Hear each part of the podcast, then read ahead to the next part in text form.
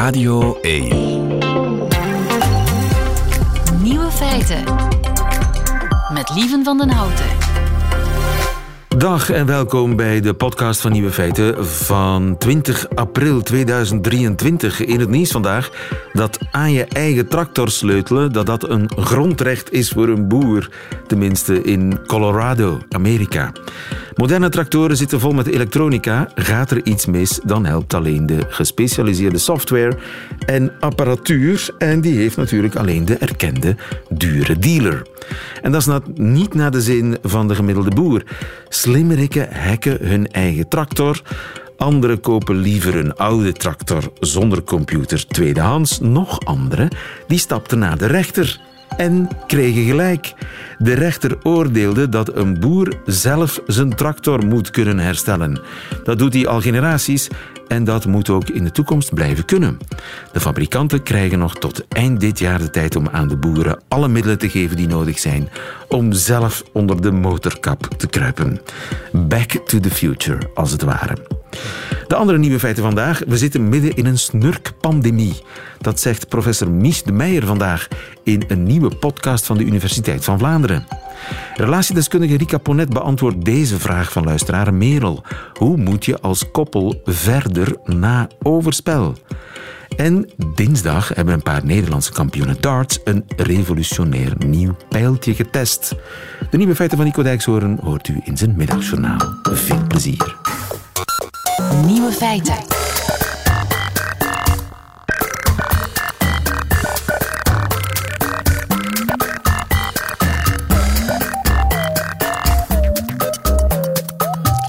Dinsdag hebben een paar Nederlandse kampioenen darts, de namen zeggen nu misschien iets, Michael van Gerven, Raymond van Barneveld, hebben die kampioenen een revolutionair nieuw pijltje getest. Dat pijltje is ontworpen door Dirk-Jan Veger. Goedemiddag, Dirk-Jan. Goedemiddag. Het is niet helemaal waar dat ik hem ontworpen heb. Je hebt het uh, gesuperviseerd. Je hebt eraan ja, meegewerkt. Precies, precies. Ja, ja, ja, ja. Want jij bent eh, hoogleraar biomechanica aan de Technische Universiteit van Delft. Die testen, hoe gingen die?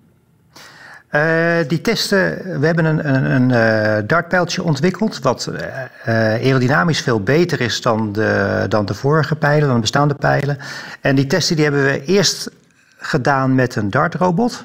Een dartrobot kan precies hetzelfde gooien elke keer. Maar wat we dinsdag ook gedaan hebben... is alle topdarters erbij laten gooien. En? Om te kijken hoe dat nou in de hand lag. Want ja, de proof of eating is in the pudding. Dus Juist. Ze moeten het wel even eh, laten zien dat hij ook echt beter is. En is die ook echt beter? Eh, ja en nee. Ja en nee, hè? Ja, echt, echt, een weet- echt zo'n wetenschappelijk antwoord. Hè? Dat Ja.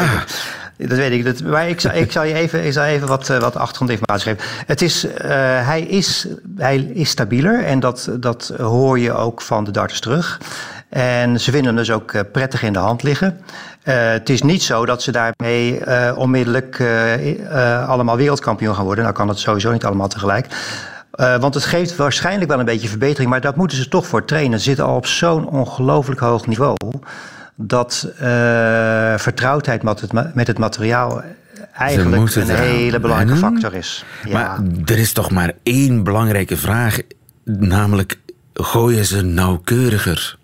Ja, ja tenminste. En het antwoord dat is denken ja. Wij wel. Dat denken we wel. Ze gooien nauwkeuriger als eh, de laatste tuning gedaan wordt... waarbij de pijl aangepast wordt aan wat de darter zelf als voorkeur heeft. Kijk, dit is een one size fits all. En eh, die mannen die gooien allemaal met eigen materiaal... wat helemaal Oh ja, dus goed voor ze elke, voelt. elke darter heeft zijn eigen pijltje.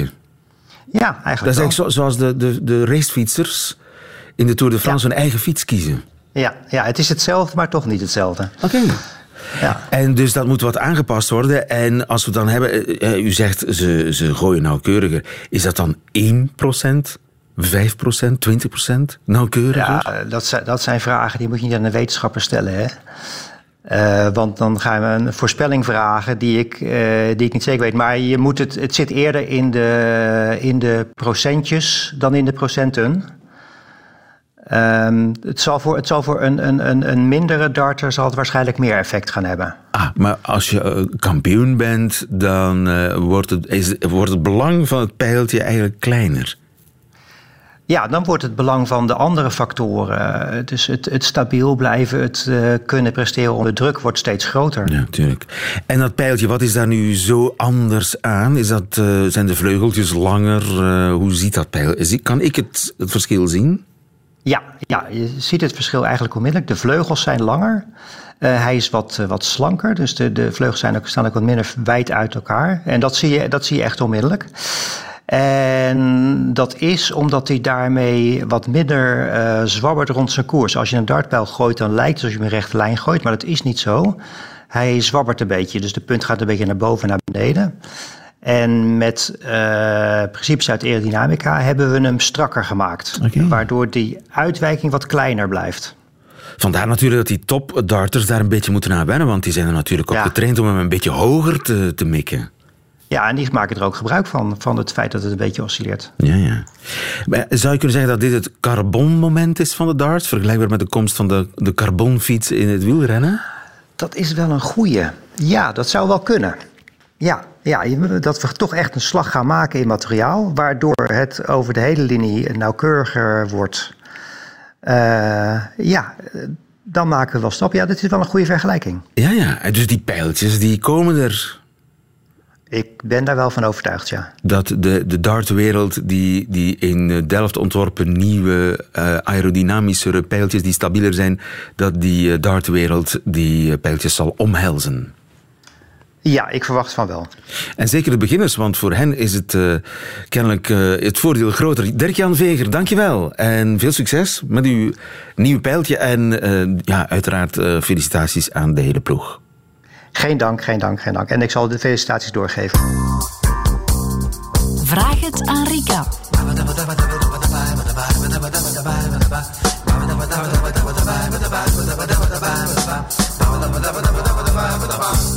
Op donderdagmiddag strijkt hier neer relatiedeskundige Rika Ponet om te antwoorden op al uw vragen. Niet op al uw vragen, maar één van uw vragen. En we pikken er vandaag eentje uit. Goedemiddag, Rika. Goedemiddag, lieve. Ja. We pikken er eentje uit de brief van Merel. Merel schrijft... Mijn man bedroog me vier maanden met een collega op het werk en beperkt naast het werk. Right.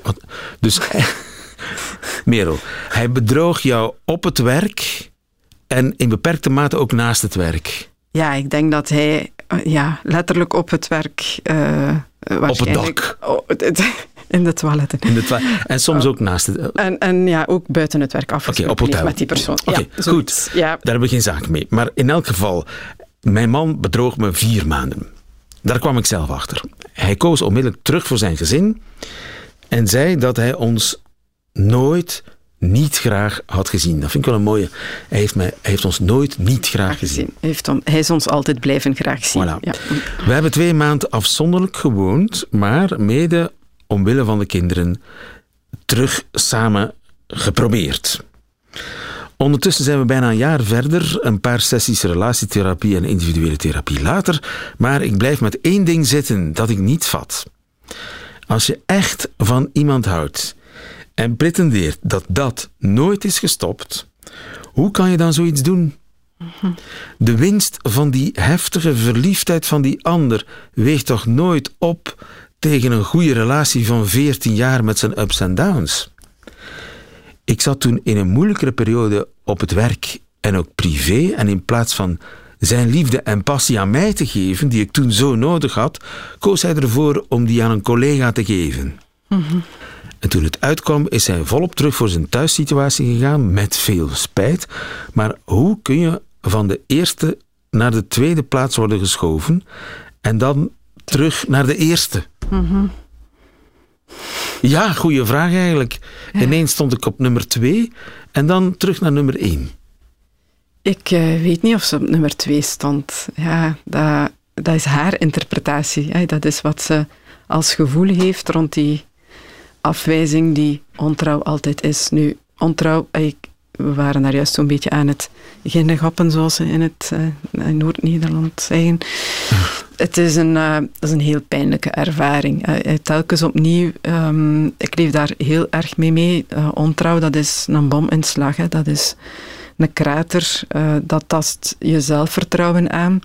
En met zelfvertrouwen aantasten bedoel ik niet zozeer... Um, ja, dat, uh, dat je je afgewezen voelt, wat er zeker ook is, maar vooral ook um, je gevoelsmatig, je vertrouwen um, is alles wat wij gehad hebben, wat geweest is, en dat is ook hetgene waar ze mee worstelt. Wat stelt dat dan voor? Hè? Was dat dan echt? Klopte dat? Hè? Alles wat hij ooit tegen mij gezegd heeft, wat ik als gevoel gehad heb, hè? het ons wij-verhaal, het gezin dat wij hebben, ons leven, want daar gaat dat over. Um, hoe kan je dat voor zoiets, hè? als je dan beweert dat dat toch niet van groot belang was, of je ondertussen, hoe kan je dat voor zoiets op het spel zetten? Nu, um, ja, dit soort van uh, relatiegedrag, laat het ons zo maar noemen, eigenlijk puur rationeel is dat gek voor woorden. Als je dat zo uh, benadert, dat is een vorm van risicogedrag. Um, je zet heel je leven op zijn kop. Uh, hij wil daar ook niet uit, dat is duidelijk. Um, met een rationele logica krijg je dat niet verklaard. Dus je, ja, we kunnen alleen maar kijken, en dat heeft ze ook al deels gedaan. Wat speelt er dan op een emotioneel niveau? Dat al die rationele argumenten overschaduwt hè, of uh, irrelevant maakt. Want dat is wat daar gebeurt op het moment dat mensen overspel plegen. Um, en zij heeft al een narratief daar rond, een verhaal. En zij gaat ervan uit, oké, de winst voor hem van dat overspel, dat is, ik word opnieuw gezien. Hè. In een relatie die al 14, 15 jaar uh, duurt, uh, ja, kijkt de andere niet elke dag meer naar jou alsof je de mooiste, de beste, de liefste van de hele wereld bent, maar ben je ja, soms sommige dagen een meubelstuk tussen de andere meubelstukken geworden. En als dan zo iemand jou ineens um, ja, helemaal weer ziet en bevestigt in je man zijn. Wat kan jij goed parkeren? Uh, ja, wat, en hoe, oeh, zo sportief dat je bent. En, uh, ja. um, en met jou kan fantastisch praten. En, uh, dus um, ja, dan, dan in, ineens voel je je inderdaad weer gezien. En dat geeft natuurlijk een vorm van energie. Dat is, dat is een fantastisch gevoel. Ik word erkend, want dat is een hele diepe menselijke behoefte. Ik word gezien, ik word erkend. maar er is een hele belangrijke andere reden. Deze reden wordt heel vaak aangehaald als het gaat over overspel. Men zegt dan, oké, ik werd thuis niet meer zo vaak gezien. Ze geeft ook zelf aan, um, ik was op dat moment uh, niet zo aanwezig in de relatie, want ik voelde mij niet zo goed, hè, zowel privé als op het werk. Um, maar er is een tweede, veel belangrijkere, die eigenlijk niet gaat over haar en ook niet over die thuissituatie, maar over hem. En dat is, mensen gaan vaak ook een tweede relatie aan omwille van het feit dat er in dat nieuwe contact uh, delen van henzelf worden aangesproken die in die basisrelatie niet aan bod komen en misschien ook al in hun leven niet aan bod gekomen zijn. We hebben allemaal delen van onszelf die we in relatie met de anderen niet echt tot ontwikkeling brengen omdat de ander die niet leuk vindt of uh, uh, bepaalde uh, verlangens of bepaalde dromen die je hebt waar de andere niet wil in meegaan, die je opbergt hè, om de relatie mogelijk te maken. Zo is dat. Of dingen die je al als kind koesterde, die thuis onmogelijk gemaakt werden, hè, waardoor je dat opgeborgen hebt als verlangen. Ik zeg maar iets. recent kwam mij iemand vertellen, ik heb altijd enorm veel van taal gehouden, ik wou eigenlijk graag Germaanse studeren. Mijn vader vond dat geen goede keuze, want daarmee kon je geen geld verdienen met zo'n diploma. Dus ik moest boekhouden gaan doen. Uh, tot op vandaag is dat een... En in de relaties die hij had, dat die vrouw dat ook maar niets. En uh, hij schreef dan poëzie in zijn vrije tijd. En daar werd dan wat met gelachen. En uh, weet je, en dan leert hij iemand kennen ja, die dat fantastisch vindt. Hè. De gedichten die hij schrijft. En voilà, de basis voor overspel. Dus er wordt iets erkend, iets aangeraakt wat helemaal niet zegt dat die basisrelatie slecht is of die partner dingen niet gedaan heeft of wel gedaan heeft die ze had moeten doen. Maar dat gaat veel meer over een deel bij jezelf dat tot leven wordt gebracht. Um, en dat is dan dat tweede deel. Hè, wat, um, de, de, verbinding in uw basisrelatie is een belangrijke, maar ook welke delen van mezelf worden daar tot ontwikkeling gebracht en welke delen van mezelf ja, zijn toch blijven slapen of worden onderdrukt of mogen niet tot ontwikkeling worden gebracht enzovoort enzoverder. En dat vind ik dan het belangrijke wat je uit zoiets kan leren als je verder gaat. Um, ik weet niet of uh, Merel ja. hiermee zo gelukkig zal zijn, want dat betekent dat, ze, dat er iets is ja. waar hij bij haar niet mee terecht kan. Uh, of, waar hij, uh, of waar hij zelf geen uiting heeft aangegeven. Hè? Want ik vind dat niet altijd. Eh, dat gaat ook niet over dat er bij haar een schuld is. Hè. dat gaat ook over dingen die je soms een, een leven lang laat slapen, hè, waar je, waar, wat je bij jezelf afwijst ook. En ineens kom je iemand tegen die dat fantastisch vindt, dat jij dat kan. Of dat jij, ja, maar dat, betekent als er, als, er, als er morgen een tweede op de proppen komt die diezelfde tere plek vindt in die man... Uh, we zouden dus een voorbeeld moeten geven. Bijvoorbeeld, hij, hij ja, poëzie. Stel nu poëzie. Ja. Inderdaad er zijn andere manieren om daar vorm aan te geven. Hè. Of stel nu sportief zijn. Hè. Dingen, dingen op, um, het gaat er vooral over, oké, wat heeft gemaakt dat emotionele verlangen dat mij dat uit de relatiecirkel heeft doen stappen? Uh, een relatie waar ik eigenlijk wil in blijven. Hè. Als ik rationeel kijk naar wat mij daar allemaal in bindt, eigenlijk wil ik daarin blijven. Maar Merel kan toch niet doen als ze plotseling poëzie heel leuk vindt? Nee, maar hij kan wel ervoor zorgen dat dat deel van zichzelf binnen die relatie wel tot ontplooiing wordt gebracht. Door, je kan dat ook via andere type, dat hoeft geen liefdesrelatie te zijn. Hè. Je kan een cursus gaan volgen, je kan daar actief iets mee gaan doen. Het gaat erover um, welke delen van mezelf ja, eh, mis ik vandaag. Dat is het eigenlijk. Hè. Dat je een deel van jezelf mist in de relatie. En hoe kan ik dat wel in de relatie brengen? Vaak zie ik ook in gesprekken na overspel dat er vaak voor het eerst open en eerlijk gepraat wordt van ja, maar eigenlijk heb ik dat nooit leuk gevonden. Hè? Ehm, of, uh, maar ik heb dat nooit durven zeggen. Um, en dan is zo'n overspel een soort vlucht, een soort snelle oplossing voor iets. ja, uh, of, of triggert dat enorm. Dan, en dan durft men als men terugkeert naar die basisrelatie soms voor het eerst een aantal dingen benoemen. En dan samen zoeken naar oké, hoe kunnen we er nu voor zorgen dat dit ons als koppel niet meer overkomt? Want het is niet zijn probleem, het is ons probleem. Hè? Ehm, hoe kunnen we er nu voor zorgen, ook op momenten in de relatie dat we wat zwakker staan, dat we toch niet uit die relatiecirkel uh, stappen? En dat is door te kijken naar, ja, wat, um, wat heeft mij uh, zo getriggerd in dat, uh, in dat contact? Ja, dus, uh, ja, wat zegt... En kun je daar geen onschuldige hobby van maken? Zoiets, of op een andere manier daar. Ik denk ook, en dat merk ik wel, dat we daar toch nog aan toevoegen, um, dat er na overspel altijd een... Ja, het is heel moeilijk om dat te vergeten, dat hoeft ook niet. Um, naar een vorm van verheving gaan, um, want nu zit zij duidelijk nog in een fase ja, van woede. juist, en ook ja. het Hollywood-sprookje dat aan degelen is geklopt. En ja dat, je hebt, dat heeft tijd nodig. Hè? Dat, mensen denken vaak, oh, we zijn een jaar verder en we zijn er nog over bezig. Dit heeft tijd nodig, echt tijd. Hè? Want dat is een hele belangrijke breuk in het vertrouwen.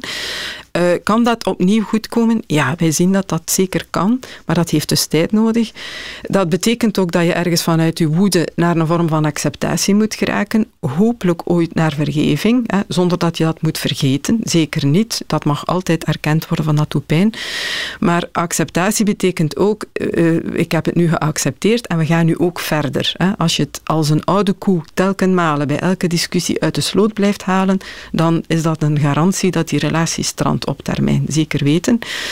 Wat ook vaak helpt bij ontrouw is dat je een vorm van compensatie vraagt. Ja, dat heb ik al vaak. Ja, er is een, een lijden uh, aangedaan geweest en dat je één okay. daar oprecht Compensatie. Oprecht spijt van hebt, dat blijkt hij te hebben. Hè, dat spreekt ook uit wat zij zegt. Bontjassen zijn uit de mode, hè, maar... Uh... Ja, dat, je, dat jij bijvoorbeeld een soort droom kan waarmaken, hè, waar de andere zich altijd wat tegen verzet heeft. Hè. Een reis met vriendinnen, een hobby, uh, een soort me-time, waar de andere altijd van vond dat dat niet kon. Ja, durf toch een behoefte uit te spreken die voor jou een belangrijke is en die tot nu toe niet ingevuld werd. Of een verlangen naar de andere. Hè, van, ik heb eigenlijk, ik zou altijd heel graag met jou op danscursus geweest zijn. Je hebt dat altijd gezegd dat je dat niet interesseert, dat je dat niet wil. En wel, nu zou ik heel graag hebben, dat zou voor mij een teken zijn dat je het, um, dat je het, dat je het, ver, dat je het echt meent, dat je met mij op danscursus gaat. Zoiets. Hebben wij Merel geïnspireerd? Ik geloof het wel. Als er nog mensen zijn met uh, vragen voor Rika Ponet, ze zijn welkom op Nieuwe Feiten uit radio1.be. Tot volgende keer. Heel graag.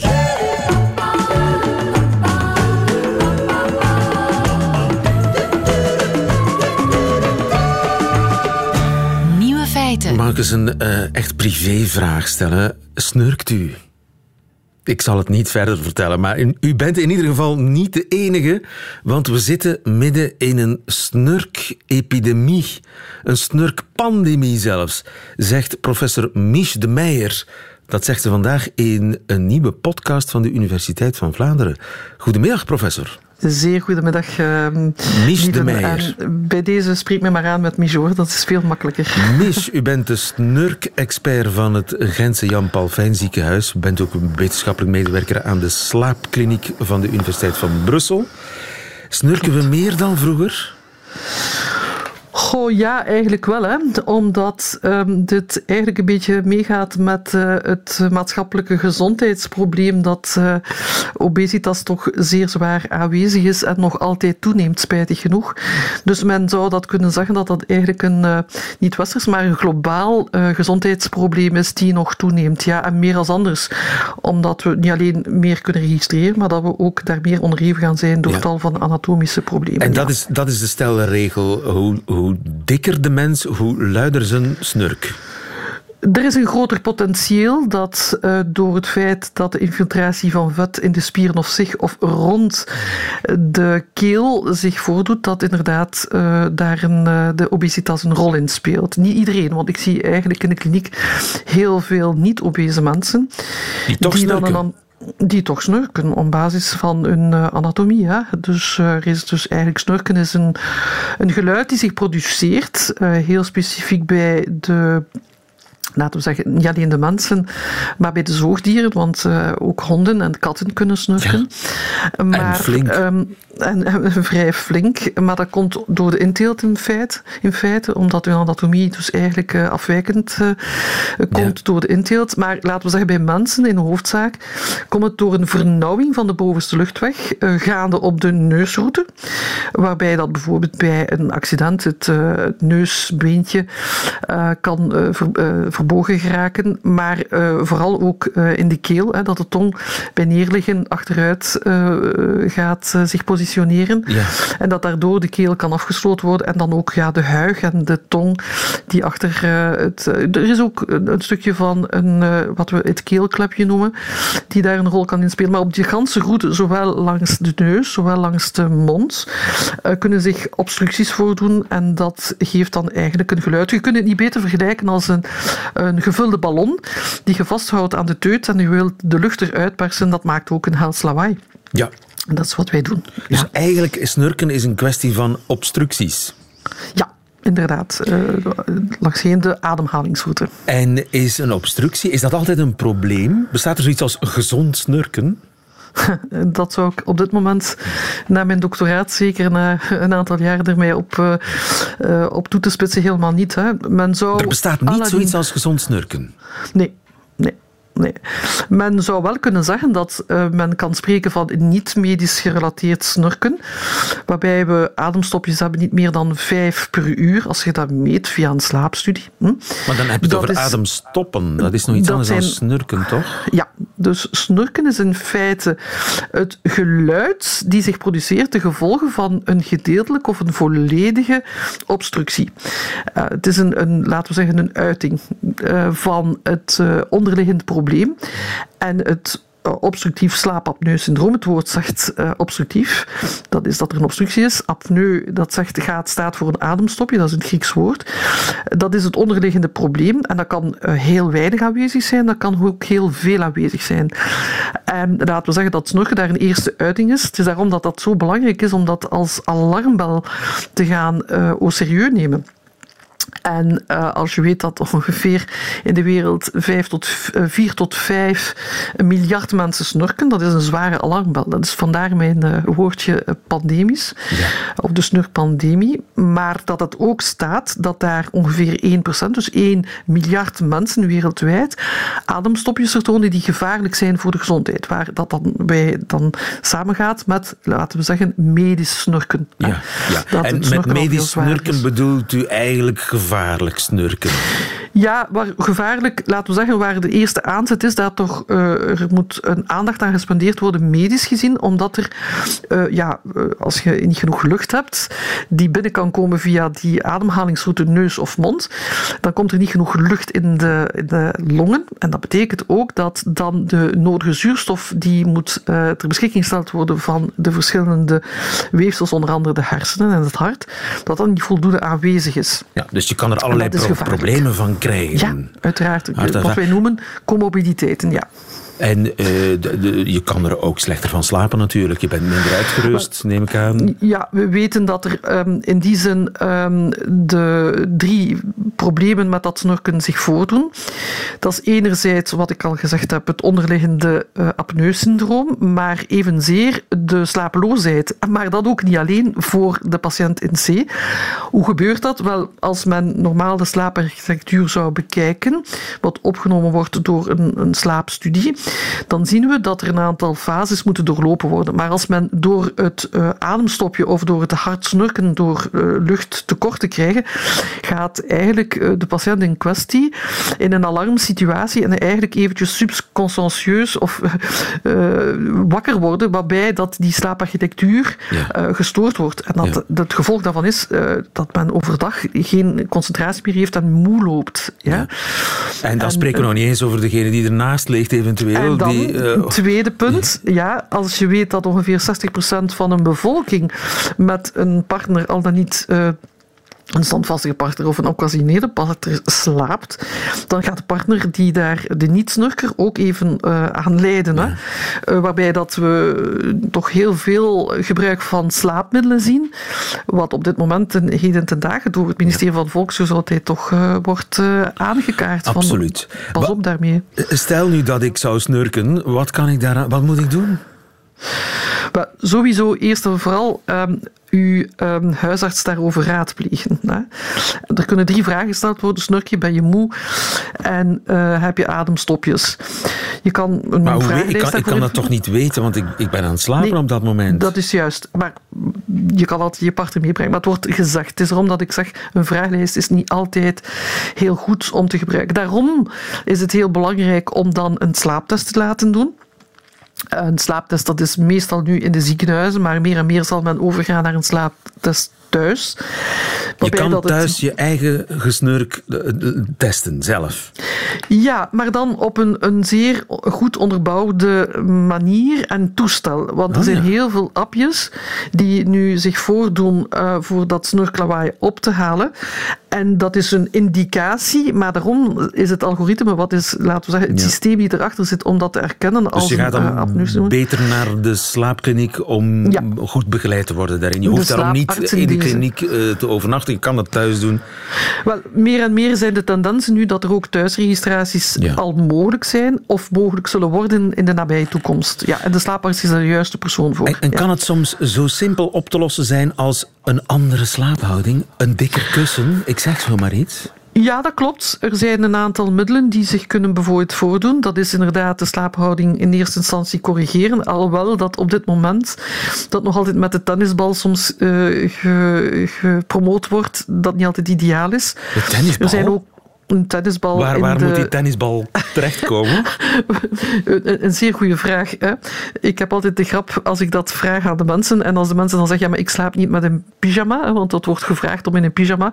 Dan kan je nog vooral zo, zo'n hesje gebruiken om daar een, een, een bal van rijst in te plaatsen of zo.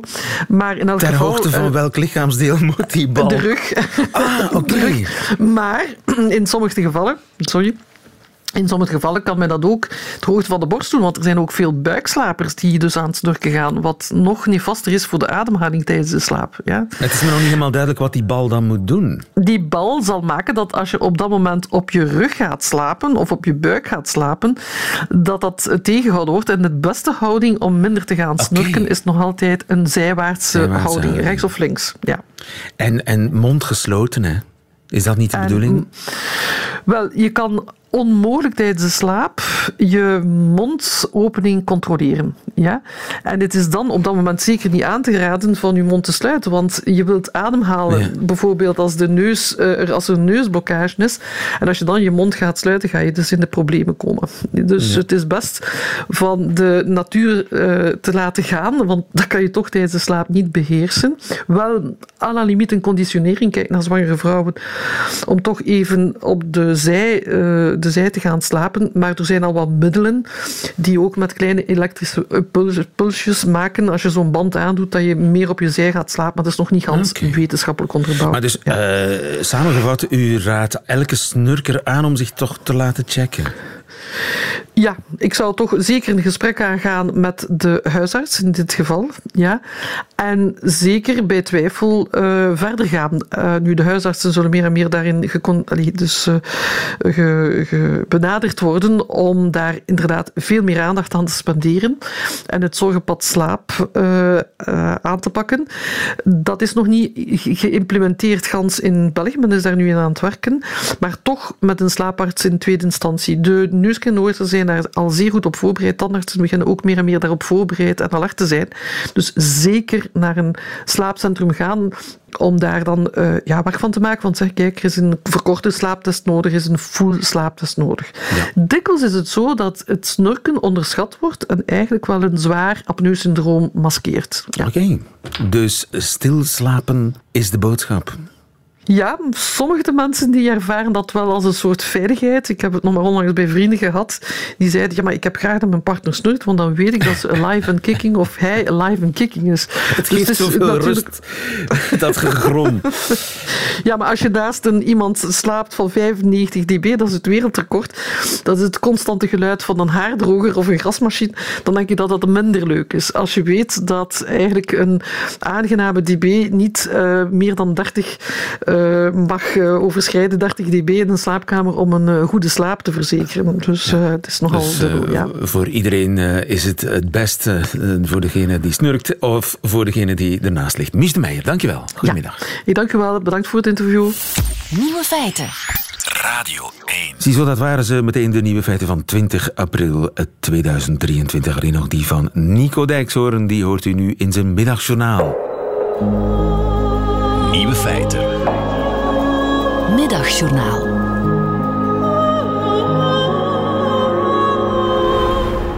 Beste luisteraars. Maandag was ik naar een concert van Deus. En die avond waren overal in het land oude mannen en oude vrouwen op weg naar een band die hun ooit wild en woest in beweging zette. Natuurlijk, Deus had een nieuwe plaat en die klonk weer heel erg Deus, maar het klonk ook wel erg netjes. Er staan twee prachtige langzame liedjes op de plaat. Eén daarvan heet 1989, waarin zanger Tom Barman terugkijkt op het jaar waarin het voor hem allemaal gebeurde. Zijn beentje, zijn stad, zijn vrienden en zijn vader, die was overleden.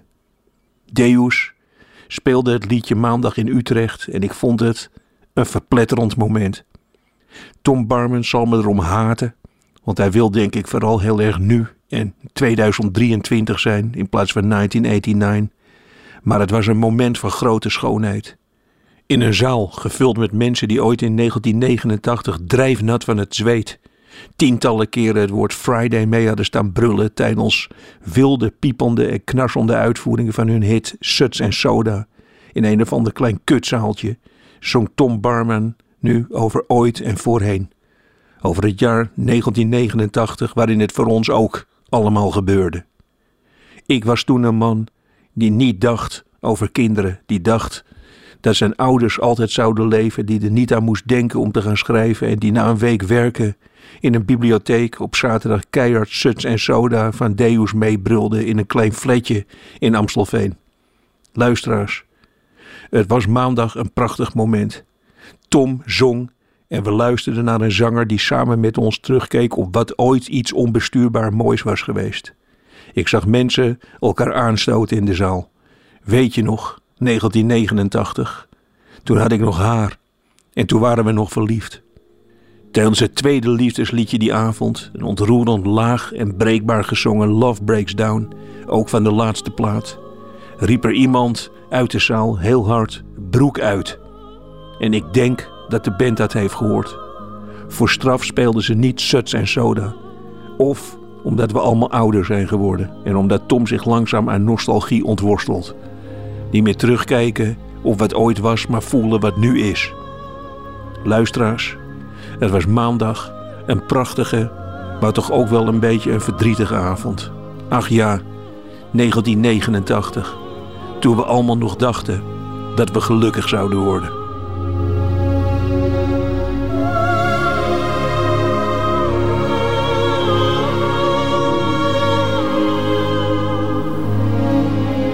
...1989, het ultieme sleuteljaar. Sets en Soda was van een paar jaar later... maar een kniesoor die daarover struikelt. Dankjewel, Nico Dijkshoorn. Voor je middagjournaal meteen het einde van deze podcast... doet u liever de volledige nieuwe feiten. Dat wil zeggen met de muziek erbij. Dat kan natuurlijk elke werkdag live tussen 12 en 1 op Radio 1... of on demand via de website of app van Radio 1. Tot een volgende keer.